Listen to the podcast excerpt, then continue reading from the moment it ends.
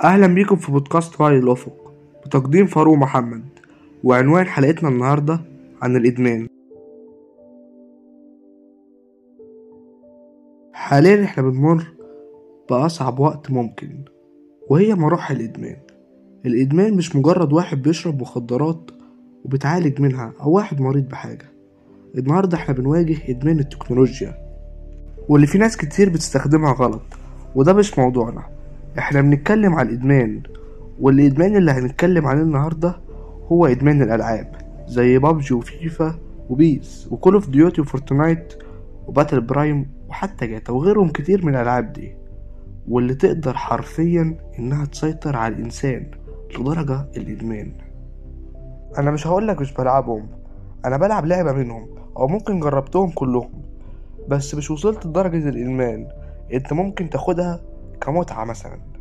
بدل ما أنت بتلعبها ست ساعات في اليوم وأنا عارف إن دي أقل فترة ممكنة لشخص مدمن. فبدل ما أنت بتلعبها ست ساعات ممكن تخليها ساعة واحدة مع إنها تكون صعبة جدا في الأول.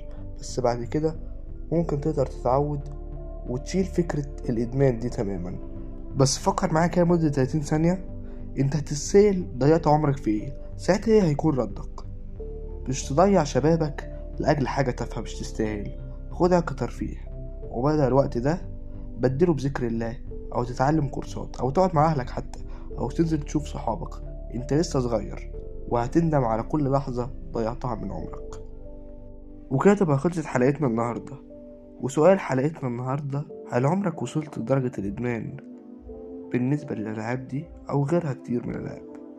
وتقدر تجاوب على صفحة تويتر واسمها بودكاست واي الأفق ودلوقتي إحنا موجودين على اليوتيوب وعلى جميع منصات البودكاست. اسمنا بودكاست واي الأفق